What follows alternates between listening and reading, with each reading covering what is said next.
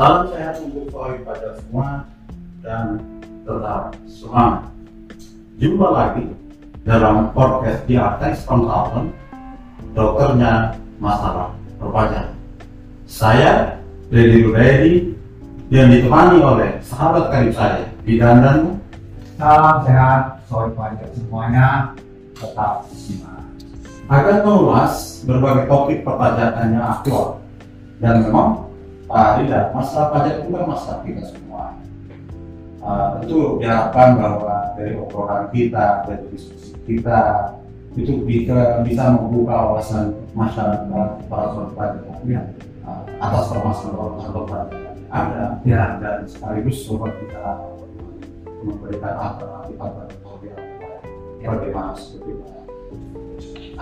Nah, Pak Lida, topik pagi hari ini kira-kira apa yang aktual dan mungkin uh, akan menjadi perhatian uh, bagi para PBB kita?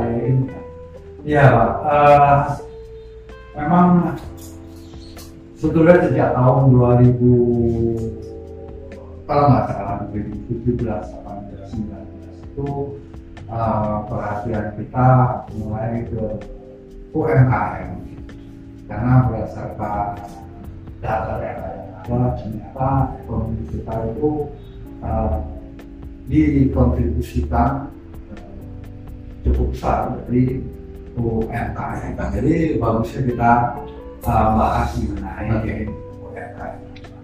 Uh, tapi kan begini ya, kalau kita pelajari itu kan uh, kalau tidak keliru saya, Ya, ya. jadi tidak ada uh, apa ya ungkapan uraian apa pun juga di peraturan-peraturan perpajakan yang mengatakan spesifik mengenai UMKM. Ya, betul, betul. malah di direktur jenderal pajak itu kelihatannya mengatakan ada kewajiban tertentu Ya, bukan mengatakan secara spesifik wajib pajak UMKM ya, tapi di masyarakat sekarang ini kan nampaknya bahwa kesan seolah bahwa itu adalah UMKM ya, sehingga kalau sudah apa masalah di soal perpajakan maka yang muncul itu terus kata-kata ya, betul. Nah, sekarang kita coba dulu refer ke, Undang-Undang Nomor 20 Tahun 2008 ya, Adian. Sebetulnya apa sih UMKM? Menurut undang-undang itu kan ada Ya, ada usaha mikro, usaha kecil, usaha menengah. ya, berdasarkan Undang-Undang Nomor 8 tahun Nomor 20 tahun 2008 ya, itu memang dibagi menjadi tiga kriteria. Yang pertama mikro, yang kedua kecil, yang ketiga menengah. Ya, ini disebutkan usaha uh, mikro, kecil dan. Nah, kalau mikro berdasarkan undang-undang nomor 20 tadi itu memang ada asetnya. Cuma kalau dari sisi perpajakan kita melihatnya omsetnya adalah omsetnya mikro 300 juta. Untuk yang kecil itu 300 juta sampai dengan dua setengah miliar. Kalau untuk yang menengah itu berarti dua setengah miliar ke atas sampai dengan 50 miliar ya. Nah, itulah kriteria uh, UMKM berdasarkan undang-undang tahun 20 tahun. Nah, sekarang kita lihat ya bagaimana ketentuan perpajakan yang mengatur. Ya. Jadi ya, uh, kalau di dalam seperti yang katakan tadi, ketentuan perpajakan kita tidak menggunakan data spesifik UMKM. Ya, Jadi menggunakannya katanya adalah uh, dengan kata apa ya, wajib pajak tertentu ya, ya. bahwa dikatakan orang pribadi atau badan usaha yang melaksanakan kewajiban pajak DJP uh, itu menggunakan istilah wajib tertentu berdasarkan kepada jumlah omset. ya betul. betul. Uh, Jadi istilahnya kita wajib pajak dengan peredaran usaha tertentu. Gitu, ya. Nah terus di peraturan pemerintah nomor 23 tahun Terus pakannya supaya jelas. Wajib pajak yang memiliki peredaran bruto tertentu, peredaran bruto tertentu. Jadi tidak mengatakan PMKM ya, Ya. tidak mengatakan PMKM. Nah itu diatur di dalam peraturan pemerintah nomor 23 tahun 2018. Kan dikatakan bahwa wajib pajak yang memiliki peredaran bruto tertentu dikenai pajak penghasilan final betul ya dikenai pajak final yaitu yang yang kita kenal sekarang adalah tarifnya 0,5 persen terdiri dari wajib pajak orang pribadi Iya. atau wajib pajak badan yang berbentuk koperasi, ya persekutuan komanditer, firma, dan persoalan terbatas yang memperoleh penghasilan dengan peredaran bruto tidak melebihi 4,8 miliar. ya betul. Ya, jadi kalau kita tadi kaitkan dengan Undang-Undang Nomor 20, jadi yang dimaknai oleh oleh Direktorat Jenderal Pajak dengan wajib pajak dengan peredaran bruto tertentu itu hanya usaha mikro, usaha kecil, dan sebagian Usaha. besar. Kan gitu ya. mungkin jadi mikro malah enggak Malah mikro malah Nah, mikro Iya. ya, Nah, Nanti kita akan bahas mengenai batasan di dalam penegakan usaha dari dari dari pengertian kepada. Jadi mikro mungkin nggak masuk sekarang ini untuk mulai Januari 2022 mungkin berita-beritanya sudah banyak semua. Mulai Januari 22 2022 sudah berlaku mengenai batasan mungkin nanti disebutkan 500 juta ya. itu uh, mulai membayar PPh final. Ya. Jadi untuk mikro nggak masuk Karena di bawah lima karena di bawah 500 juta, 100 juta. Ya. Untuk uh, kecilnya sebagian masuk, tapi untuk menengahnya sebagian juga masuk, Tapi sebagian tidak. sebagian tidak. Jadi pokoknya intinya bahwa batasnya itu adalah tidak melebihi dari 4,8 Dalam miliar itu batasan atas, batas atas, batasan bawah 5 juta. 500 juta. Tapi kan itu untuk orang pribadi yang beredar ya. Untuk orang Pribadi kan, tapi kalau Kalau yang dulu termasuk badan, ya, untuk 2000 uh, ketentuan undang-undang yang baru ini untuk yang orang pribadi yang komunitas ya. Oke. Nah kemudian permasalahan muncul kan Pak Hidran. Yang dimaksud dengan peredaran bruto 4,8 miliar itu apa sih? Kita kira-kira apa permasalahan? Karena kan kenapa dinyatakan secara spesifik peredaran bruto? Ah, ah, Nah kalau kita lihat memang ketentuannya disesuaikan disesuaikan mikro batasannya disesuaikan dengan uh, ketentuan dalam kewajiban kewajiban PPN. Kewajiban PPN ini uh, pajak pertambahan nilai mungkin banyak juga yang sih PPN pajak pertambahan nilai itu juga batasannya kalau dia lebih dari 4,8 ya dia harus sebagai Pengusaha. pengusaha. Nah ini di batasnya batasnya. Nah terus eh, tadi pertanyaan bapak apa tadi pak lupa lagi peredaran bruto itu apa? peredaran bruto itu apa? Nah, sekarang peredaran bruto itu apa? Bruto. Ada di dalam ketentuan PP 23 tahun 2000 eh, 2000 berapa? Lupa lupa lupa. 2018 2018 ya PP nomor 23 tahun 2018 yang disebut peredaran bruto itu adalah peredaran usaha jadi nanti eh, rekan-rekan apa solid pajak usaha eh, kecil dan ah, saya bilangnya kecil dan menengah aja deh pak ya. Mikronya udah kan mikro udah nggak masuk. Itu perusahaan yang kecil dan menengah. Kalau namanya perusahaan peredaran bruto ada. Itu eh, sebelum dikurangi ada diskon ada rabat. rabat atau potongan tunai ya bayar. Nah memang ini ini yang jadi eh, perhatian catatan dari para eh, orang pribadi pengusaha. Nah itu harus ada catatannya. Nanti kita jelaskan lebih lanjut lagi mana oh, harus ada catatannya sih dan itu ya pak ya. Karena peredaran bruto itu jangan dilihat dari uh, uang yang keluar. Kita beli barang atau kita uang yang masuk, kita jual barang, duitnya kan dapatnya Setelah diskon. kasih diskon, kita saya kasih diskon, tapi nggak tahu nih UMKM pakai diskon diskon apa enggak? Bisa jadi pak, bisa jadi ada diskon diskon atau potongan tunai yang cukup besar. Tapi ada orangnya risiko kalau anda bikin potongan tunai atau diskon yang cukup peredaran usaha anda dihitungnya dari berapa peredaran dulunya.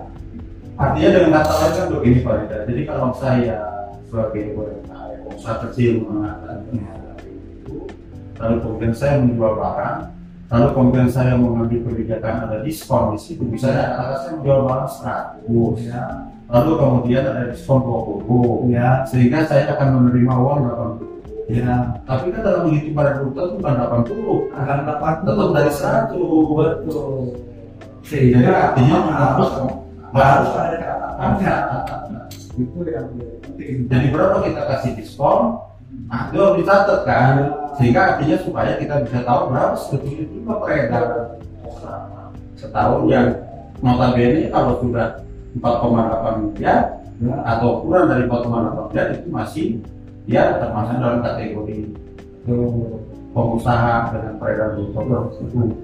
Jadi gini, jadi gini ya, uh, mungkin ini memang agak agak repot buat sohib-sohib uh, para orang pribadi pengusaha, karena dia jualnya mungkin ya gimana sih namanya di kondisi di ruko, di pasar, yang punya punya uh, peredaran yang di atas 500 juta.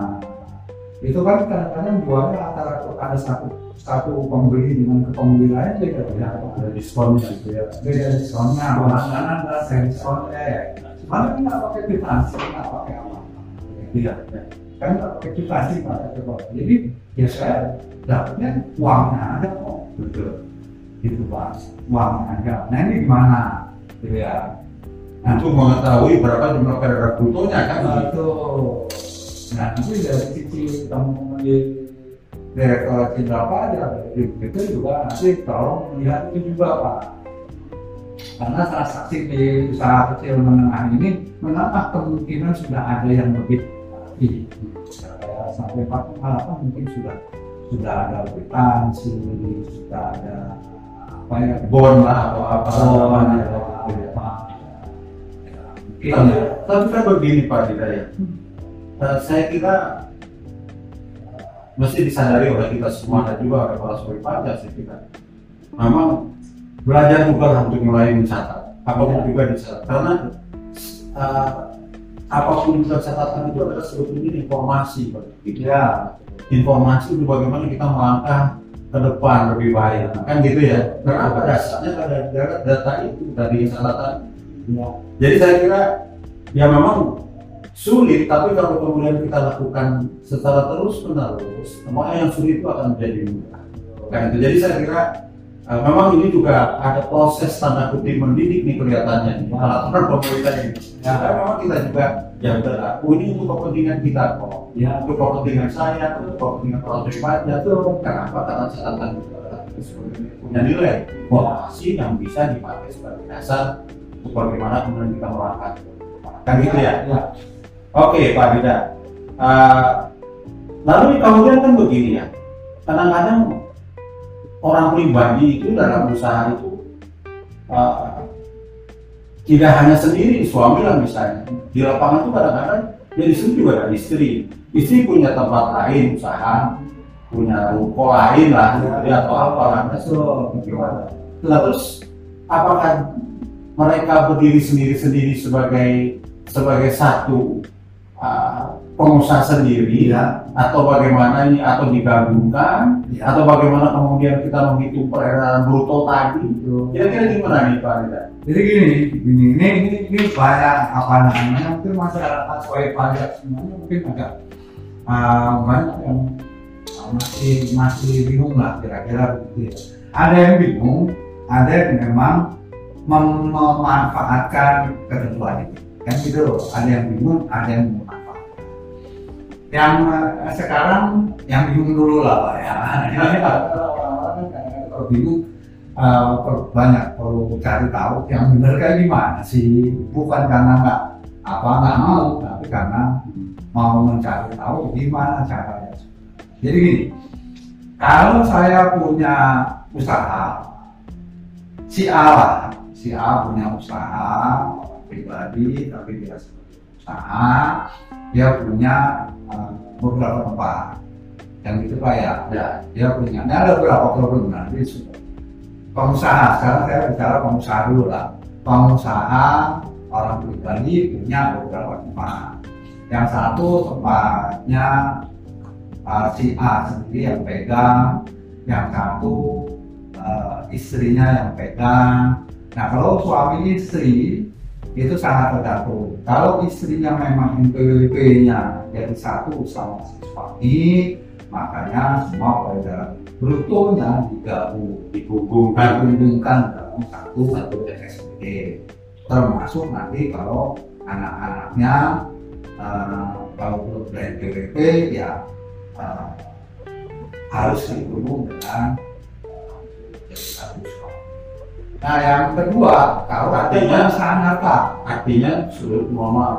Artinya bahwa menghitung besarnya peredaran bruto itu adalah jumlah dari jumlah dari yang di- cabang cabang yang di- dipegang oleh istri tadi iya. atau dengan Atau gitu. Jadi itu yang kalau kalau ada pemisahan harta. Nah, bisa harta itu bisa ya harta. Suami sama istri bisa harta. Punya NPWP masing-masing kan gitu kayak kalau dia punya NPWP itu hitungnya bagaimana? Hubung dulu.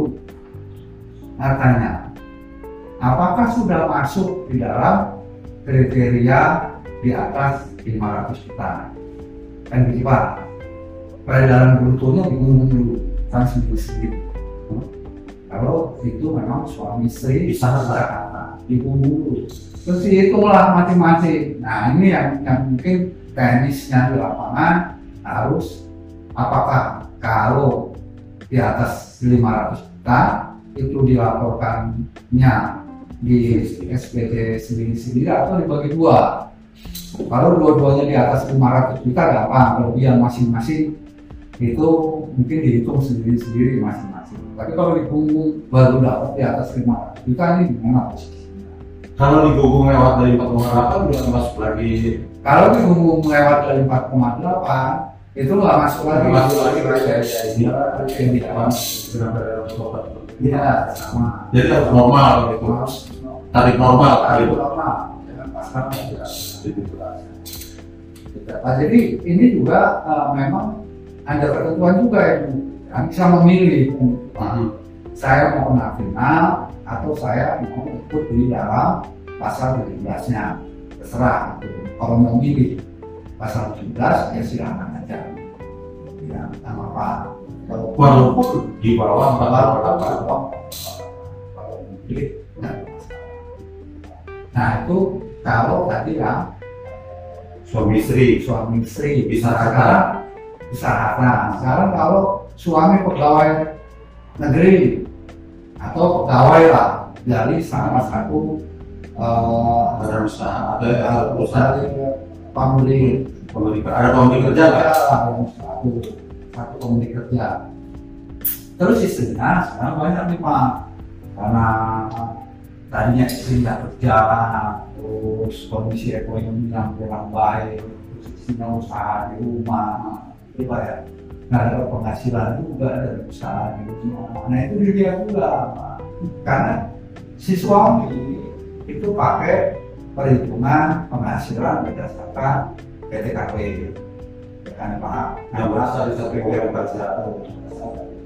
Ya, si istri punya usaha. Istri digabung usahanya apa nggak pecah Hmm. yang jadi satu ikut suami. Jadi digabung di SPT suami. Harusnya kan kita pun di SPSI.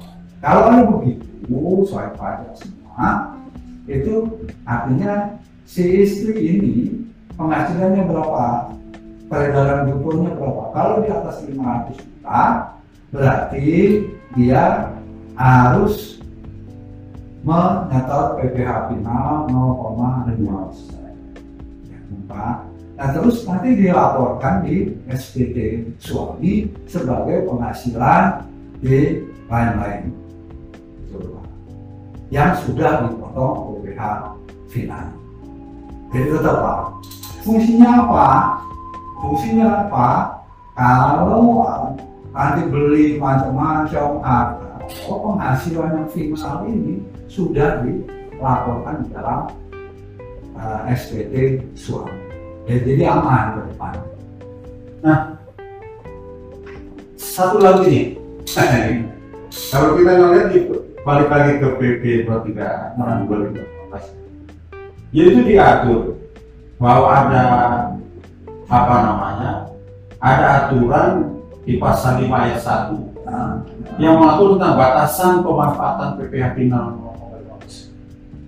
nah, pasal berapa? 5 ayat 1 5 ayat 1 nah, Jadi dikatakan bahwa paling lama 7 tahun bagi PPOP.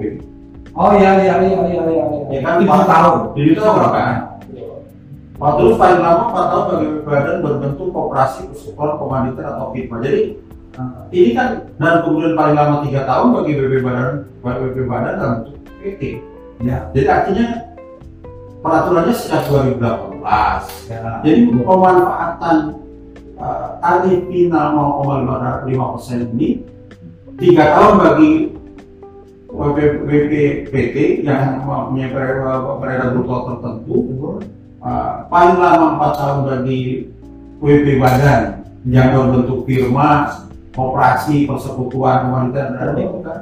Dan kemudian final bagi ini anunya ya saya agak bingung di soal bagaimana kita menerapkan bagaimana kita apakah sejak 2018 sudah tiga tahun berarti 2021 sudah nggak boleh lagi. Ya kan untuk pada 2021 sudah sudah tidak boleh lagi menggunakan lagi menggunakan tarif uh, final final persen itu tahun pasal 2022 mereka harus menggunakan tarif pasal 17 satu ya.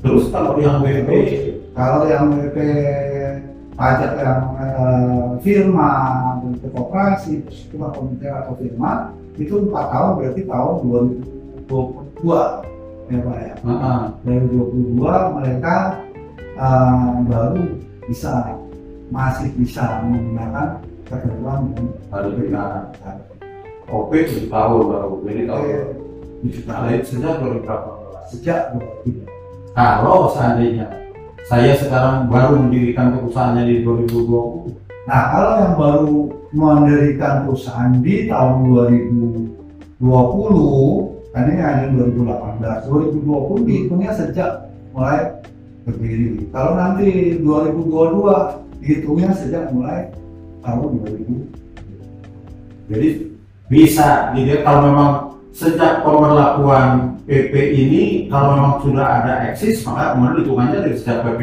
diberlakukan kan gitu ya. Betul. Tapi kalau kemudian setelah PP berlaku diberlakukan kemudian ada perusahaan berdiri dan masuk ke dalam kriteria ini jadi hitungan tiga tahun, empat tahun, dan tujuh tahun gitu Ya. didasarkan kepada sejak berdirinya perusahaan. Itulah tolong diperhatikan betul ini oleh para researcher ya. Supaya jangan sampai keliru-keliru kita menghitung apa nih Iya. masa berlakunya pemanfaatan Nah, itu kan. tujuannya gini Pak. Ya. tujuannya ini kan, kan dianggap tiga tahun eh, itu eh, empat tahun atau tujuh tahun dianggap masa pembelajaran masa pembelajaran itu mulai belajar melakukan pembukuan. Jadi dianggap cukup kalau perusahaan dalam bentuk perseroan terbatas tentunya eh, masalah pembukuan sudah menjadi hal yang, yang lama lah Pak ya. Tiga tahun harusnya sudah bisa cukup kalau yang firma operasi segala itu di mana eh, empat tahun udah oke bisa pembukuan karena mereka udah satu tahun pertama atau dua tahun pertama pembukuannya udah rapi juga iya Pak. Ya, ya. nah kalau orang pribadi memang butuh butuh jangka waktu yang panjang Ya, sehingga dia bisa melakukan mungkin usahanya ini mungkin usaha yang apa ya daily yang Ya. benar-benar di rumah tangga lah atau apalah ya. Ya, tapi kembali ya seperti saya katakan tadi bahwa memang kita harus mulai belajar dengan mencatat. Ya, ya, mencatat itu menjadi penting dan itu akan menjadi informasi kalau kita bagaimana kita melakukan apa itu tentang depan. Nah balik lagi ke soal eh, tadi ada cabang-cabang ini. Ah ya, balik lagi cabang ya, ya, ini kan cuma kadang-kadang di lapangan itu kita tahu lah bahwa sebetulnya cabang itu punya Parida lah Iya. misalnya tapi kemudian ada cabang di jalan mana atau di wilayah mana tapi sebenarnya punya Parida tapi itu sih ya nama orang lain itu kira-kira gimana? Ya, kan begini nih. Jadi kalau yang namanya cabang berdasarkan ketentuan, sebetulnya cabang itu menjadi satu kesatuan di dalam satu. Supaya cabang itu satu satu dianggap satu kesatuan perusahaan itu lah. Kalau orang pribadi ya dianggap sebenarnya itu satu kesatuan satu orang. Ya. Nah, ini kan ya memang eh, apa ya setiap ketentuan itu pasti ada kurang-kurangnya yang bisa di, Logos lah semacam oh, ya yang bisa diakali lah oh, orang bilang katanya ini apa teks apa ya teks planning kan gitu ya teks planning kan yang kalau saya lihat agak menyimpang gitu pak. Gini saya punya empat ruko lah gitu kira-kira pak ya. Saya punya empat ruko atau empat lapak yang eh, apa namanya di dalam ruangan tentunya yang omsetnya cukup besar. Dikumpul-kumpulin di atas 4,8 miliar kan itu pak kalau saya jadiin satu wah saya jadi pada proyek-proyeknya wah mah ya lebih tinggi lah lebih tinggi karena apa? Karena menggunakan tarif awal sebagai Betul.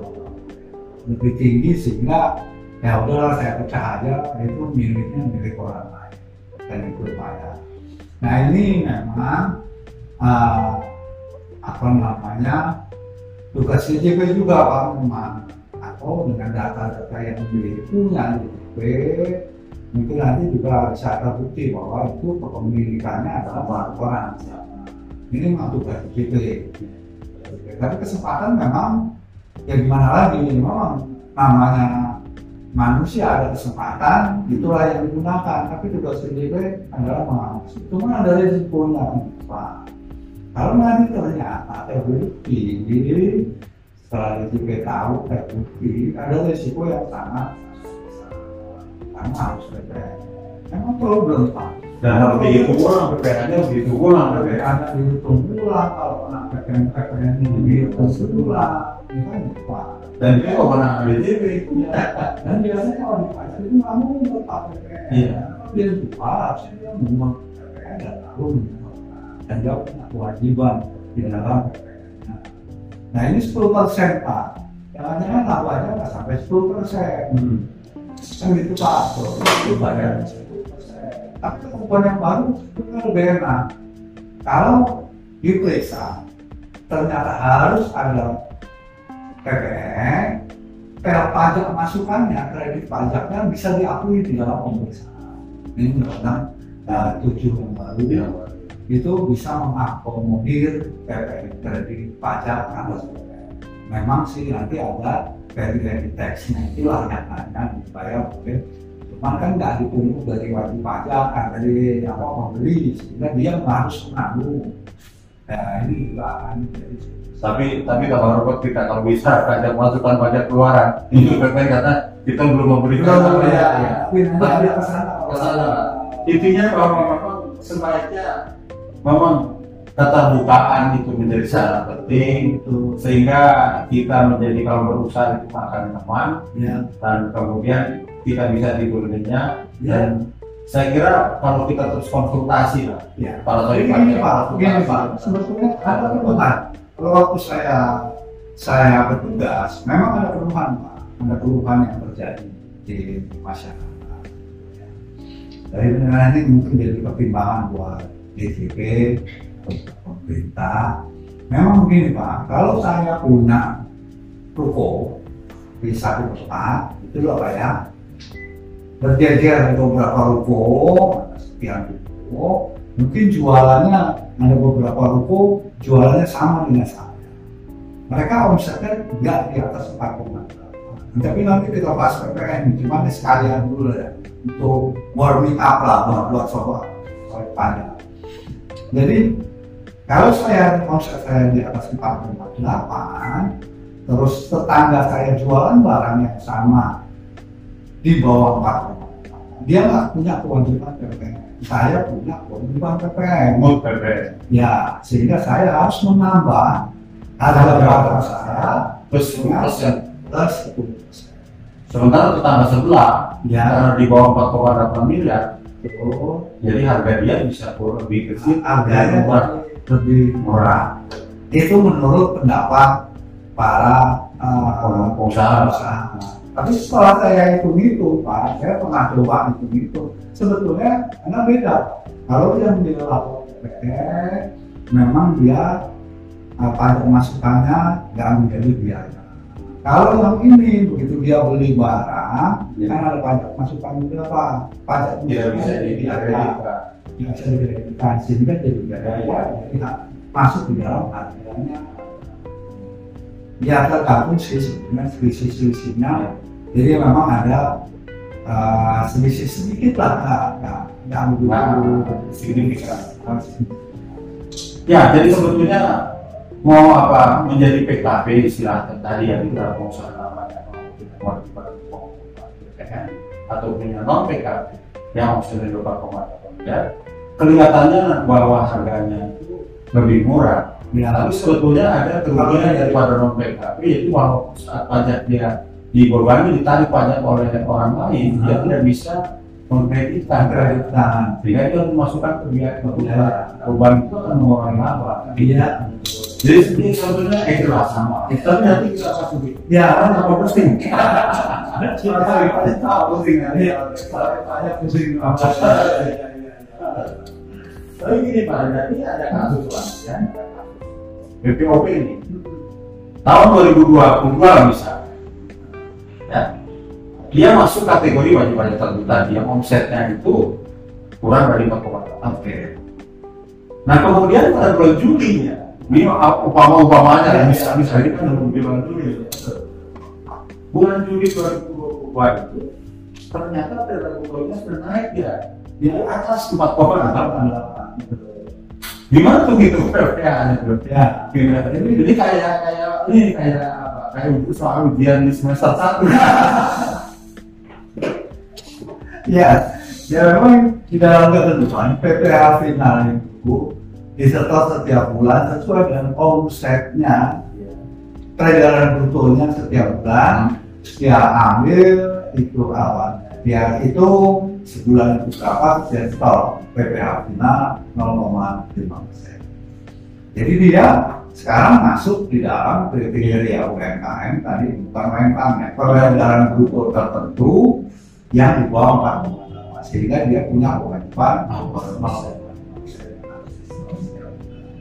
Nah setiap bulan itu Pak so, ternyata nanti di bulan Juli dihitung itu dan karena kita lapor ke direktur jenderal pajak ngomong apa penyetorannya direktur jenderal pajak juga tahu ya berdasarkan laporan dia. Oh udah lewat nih 4,8 pada bulan Juli nah ketentuannya mengatur tetap aja. Dia setor PPh final sebanyak 0,5 persen sampai dengan tahun bukunya Berakhir. sampai tahun bukunya selesai karena dia masuk dalam kriteria itu sampai selesai.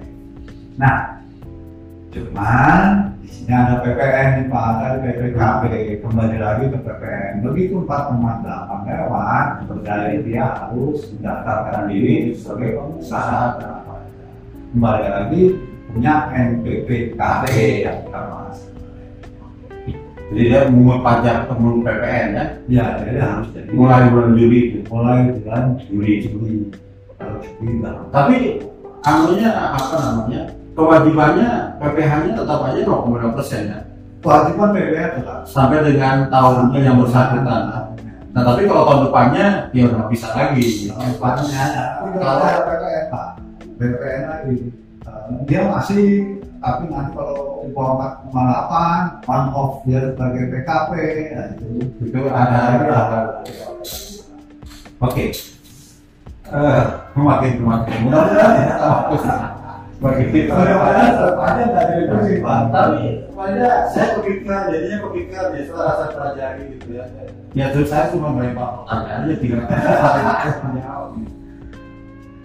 Kalau kita perhatikan ya, sebelum tahun 2021, WPWP yang dikategorikan WP dengan omset tertentu adalah WP yang memiliki peredaran buku satu rupiah sampai dapat kuartal. Ya, itu kenapa saya mengatakan semua 2021? Karena di situ baru ada undang-undang nomor 7 ya tahun 2021 yang kita bahas ya, dalam beberapa episode itu yang mengatur batas untuk WPOP yang memiliki rendah butuh 500 juta ke bawah tidak harus membayar PPh final. Betul. Asumsi saya, ini asumsi aja lah ya. Itu kan sebagai penghasilan tidak kena pajak seperti bagaimana juga pribadi ya memperoleh pekerjaan dari satu pemerintah itu ya. Kan gitu ya. Iya, iya. Jadi, nah padahal sebelum 2021 itu kan hitungannya, nah, pokoknya tidak ada batasan 5 juta Ya, tidak usah lapor pokoknya yang 300 juta, yang 200 juta, yang berapa kan lapor aja dengan dikenakan 0,5 Iya. persen lapor bukan gitu ya nah terus yang tadi Pak Rida katakan bulanan ini gimana? Juga saya omset saya sekarang bulan ini 3 juta yang tadinya lapor dengan undang-undang tahun 2021 itu jadi nggak lapor kan iya.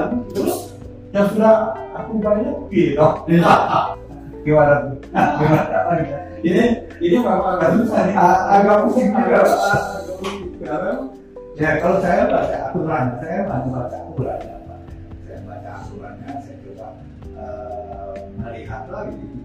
Jadi kan dulu ada batasan boleh dikatakan Iya. satu sampai empat penggunaan datanya itu masuk ke dalam peredaran atau berikut tertentu. Dan itu pada saya yang dulu punya penghasilan kalau dibilang satu rupiah nggak mungkin lah pajak. Nggak akan kejar-kejar makanya yang yang yang punya bagus ya 300 juta lah 400 juta ya kan ketika dulu saya punya usaha bayar ya 300 juta kalau begitu lah ya. Saya dulu kan saya wajib NPWP Pak. Hmm. karena saya orang pribadi pengusaha. Ya. saya wajib NPWP saya udah daftar kan Pak saya pajak yang baik. Ini dan daftar ke setor tiap bulan. Ya ini bulan nah dengan ketentuan yang baru ini kan ada batasan. Hmm. saya sudah tidak masuk lagi kategori kategori orang pribadi pengusaha yang masuk di dalam nah, subjek objek pajak sebagai objek bagi subjek aja sebagai subjek pajak maupun sebagai objek objek pajak sebagai subjek sih juga masuk masuk di dalam kategori bagaimana sehingga harusnya kan saya nggak lapor lapor lagi dong. Ya. Kan gitu ya harusnya kan saya nggak ada udah saya nggak lapor lapor lagi.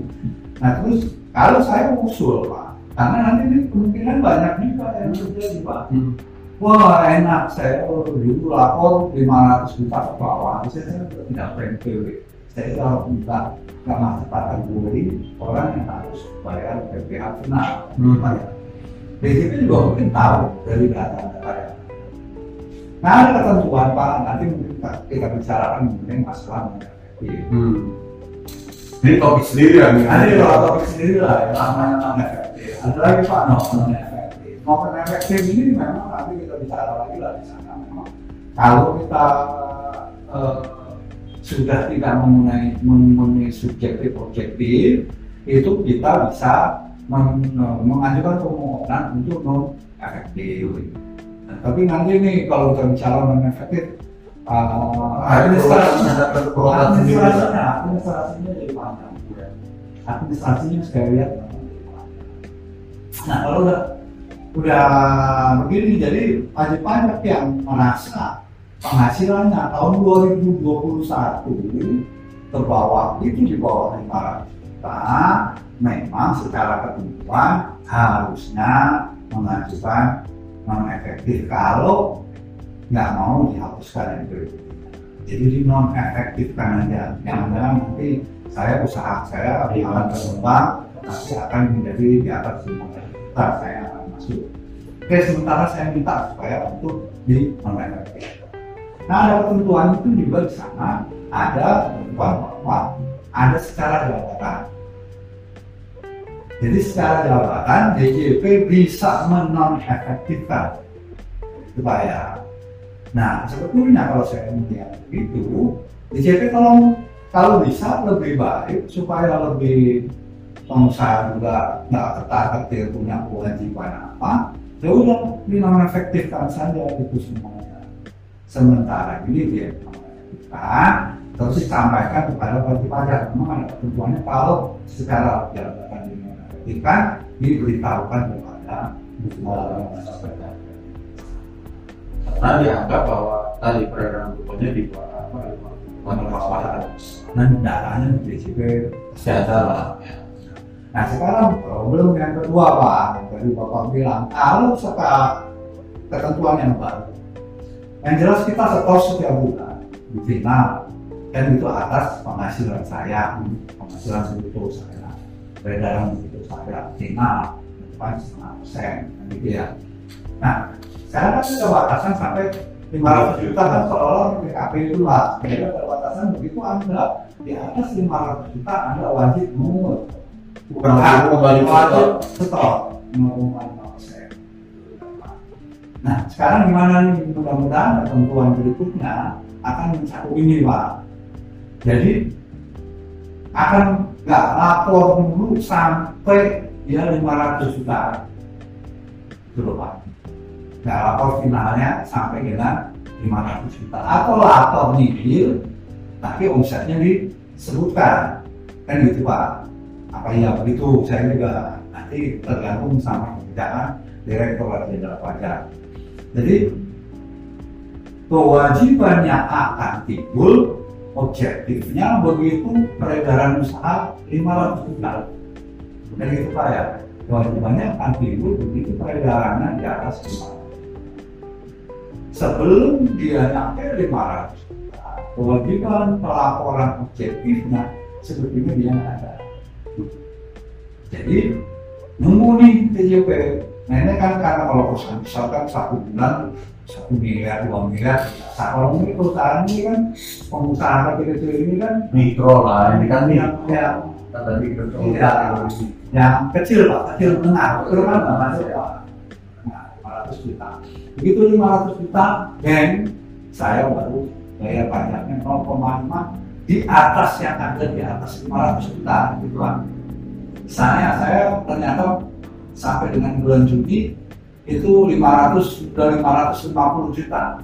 Saya bayar 50 jutanya aja kali 0,5 persen. Yang 500 juta tidak Pak, nah itu gimana nanti mekanisme di direktorat jenderal pajak apakah begitu saya nggak tahu. Kan kebijakannya apa karena ini baru. Tapi boleh lah ini sebagai ini udah bulan Januari kan Pak. Iya, boleh ini sebagai masukan. Lah. bulan masukan. Karena ini bulan Januari paling nanti di bulan awal Februari atas itu mereka harus ya dua atau lima belas. Ya. nah ini gimana nih? Ya. ya Jadi memang lama kelamaan pembahasan kita pembicaraan kita inginnya kita bicara itu dengan santai, dengan relax, dan dengan bahasa-bahasa yang mudah dipahami. Ternyata juga kalau kita masuk ke masalah-masalah teknis, kita ada kesulitan juga ya. jadi ini kita bahas bahas perpajakan nggak bisa lepas dari ketentuan baru masalah-masalah teknis perpajakan. jadi ya, ya memang agak sulit kalau kita lepas dari situ agak susah juga Pak. Ya, ya. Tapi mudah-mudahan apa yang kita sampaikan ini bisa se- sedikit memberikan pencerahan, ya kan? Amin. Memahami kepada para pajak. Ya sekaligus juga, nah ini juga sebagai dorongan lah untuk kepada para soli pajak untuk bisa lebih Eh, karena ya kalau bukan kita siapa lagi kan jadi dari kerajaan untuk eh, apa kejayaan bangsa kita ini kalau bukan dari kita saya kira eh, untuk pembicaraan kita, pembahasan kita, kita cukupkan dulu Pak Ya. Tidak hari ini karena lama-lama kita juga menjadi agak agak agak sedikit lagi saya akan lupa Pak, supaya ini sedikit lagi. Jadi 500 juta tuh bayangannya gimana sih? Kan gitu ya Pak. Ya, ini untuk teman-teman DJP mungkin ya. Jadi jangan main masal semuanya disuruh kan gitu ya. Coba bayangin 500 juta itu penghasilan 500 juta. penghasilan tuh. Penghasilan dulu tuh 500 juta. Itu kan kelihatan sebetulnya kalau kita itu 500 juta 12 sekitar 41 juta sekian. 41 juta sekian satu bulan. Satu bulan dibagi 30 hari. Kalau dia buka 30 hari. Baru dia buka Tiap hari. tiap hari dia buka.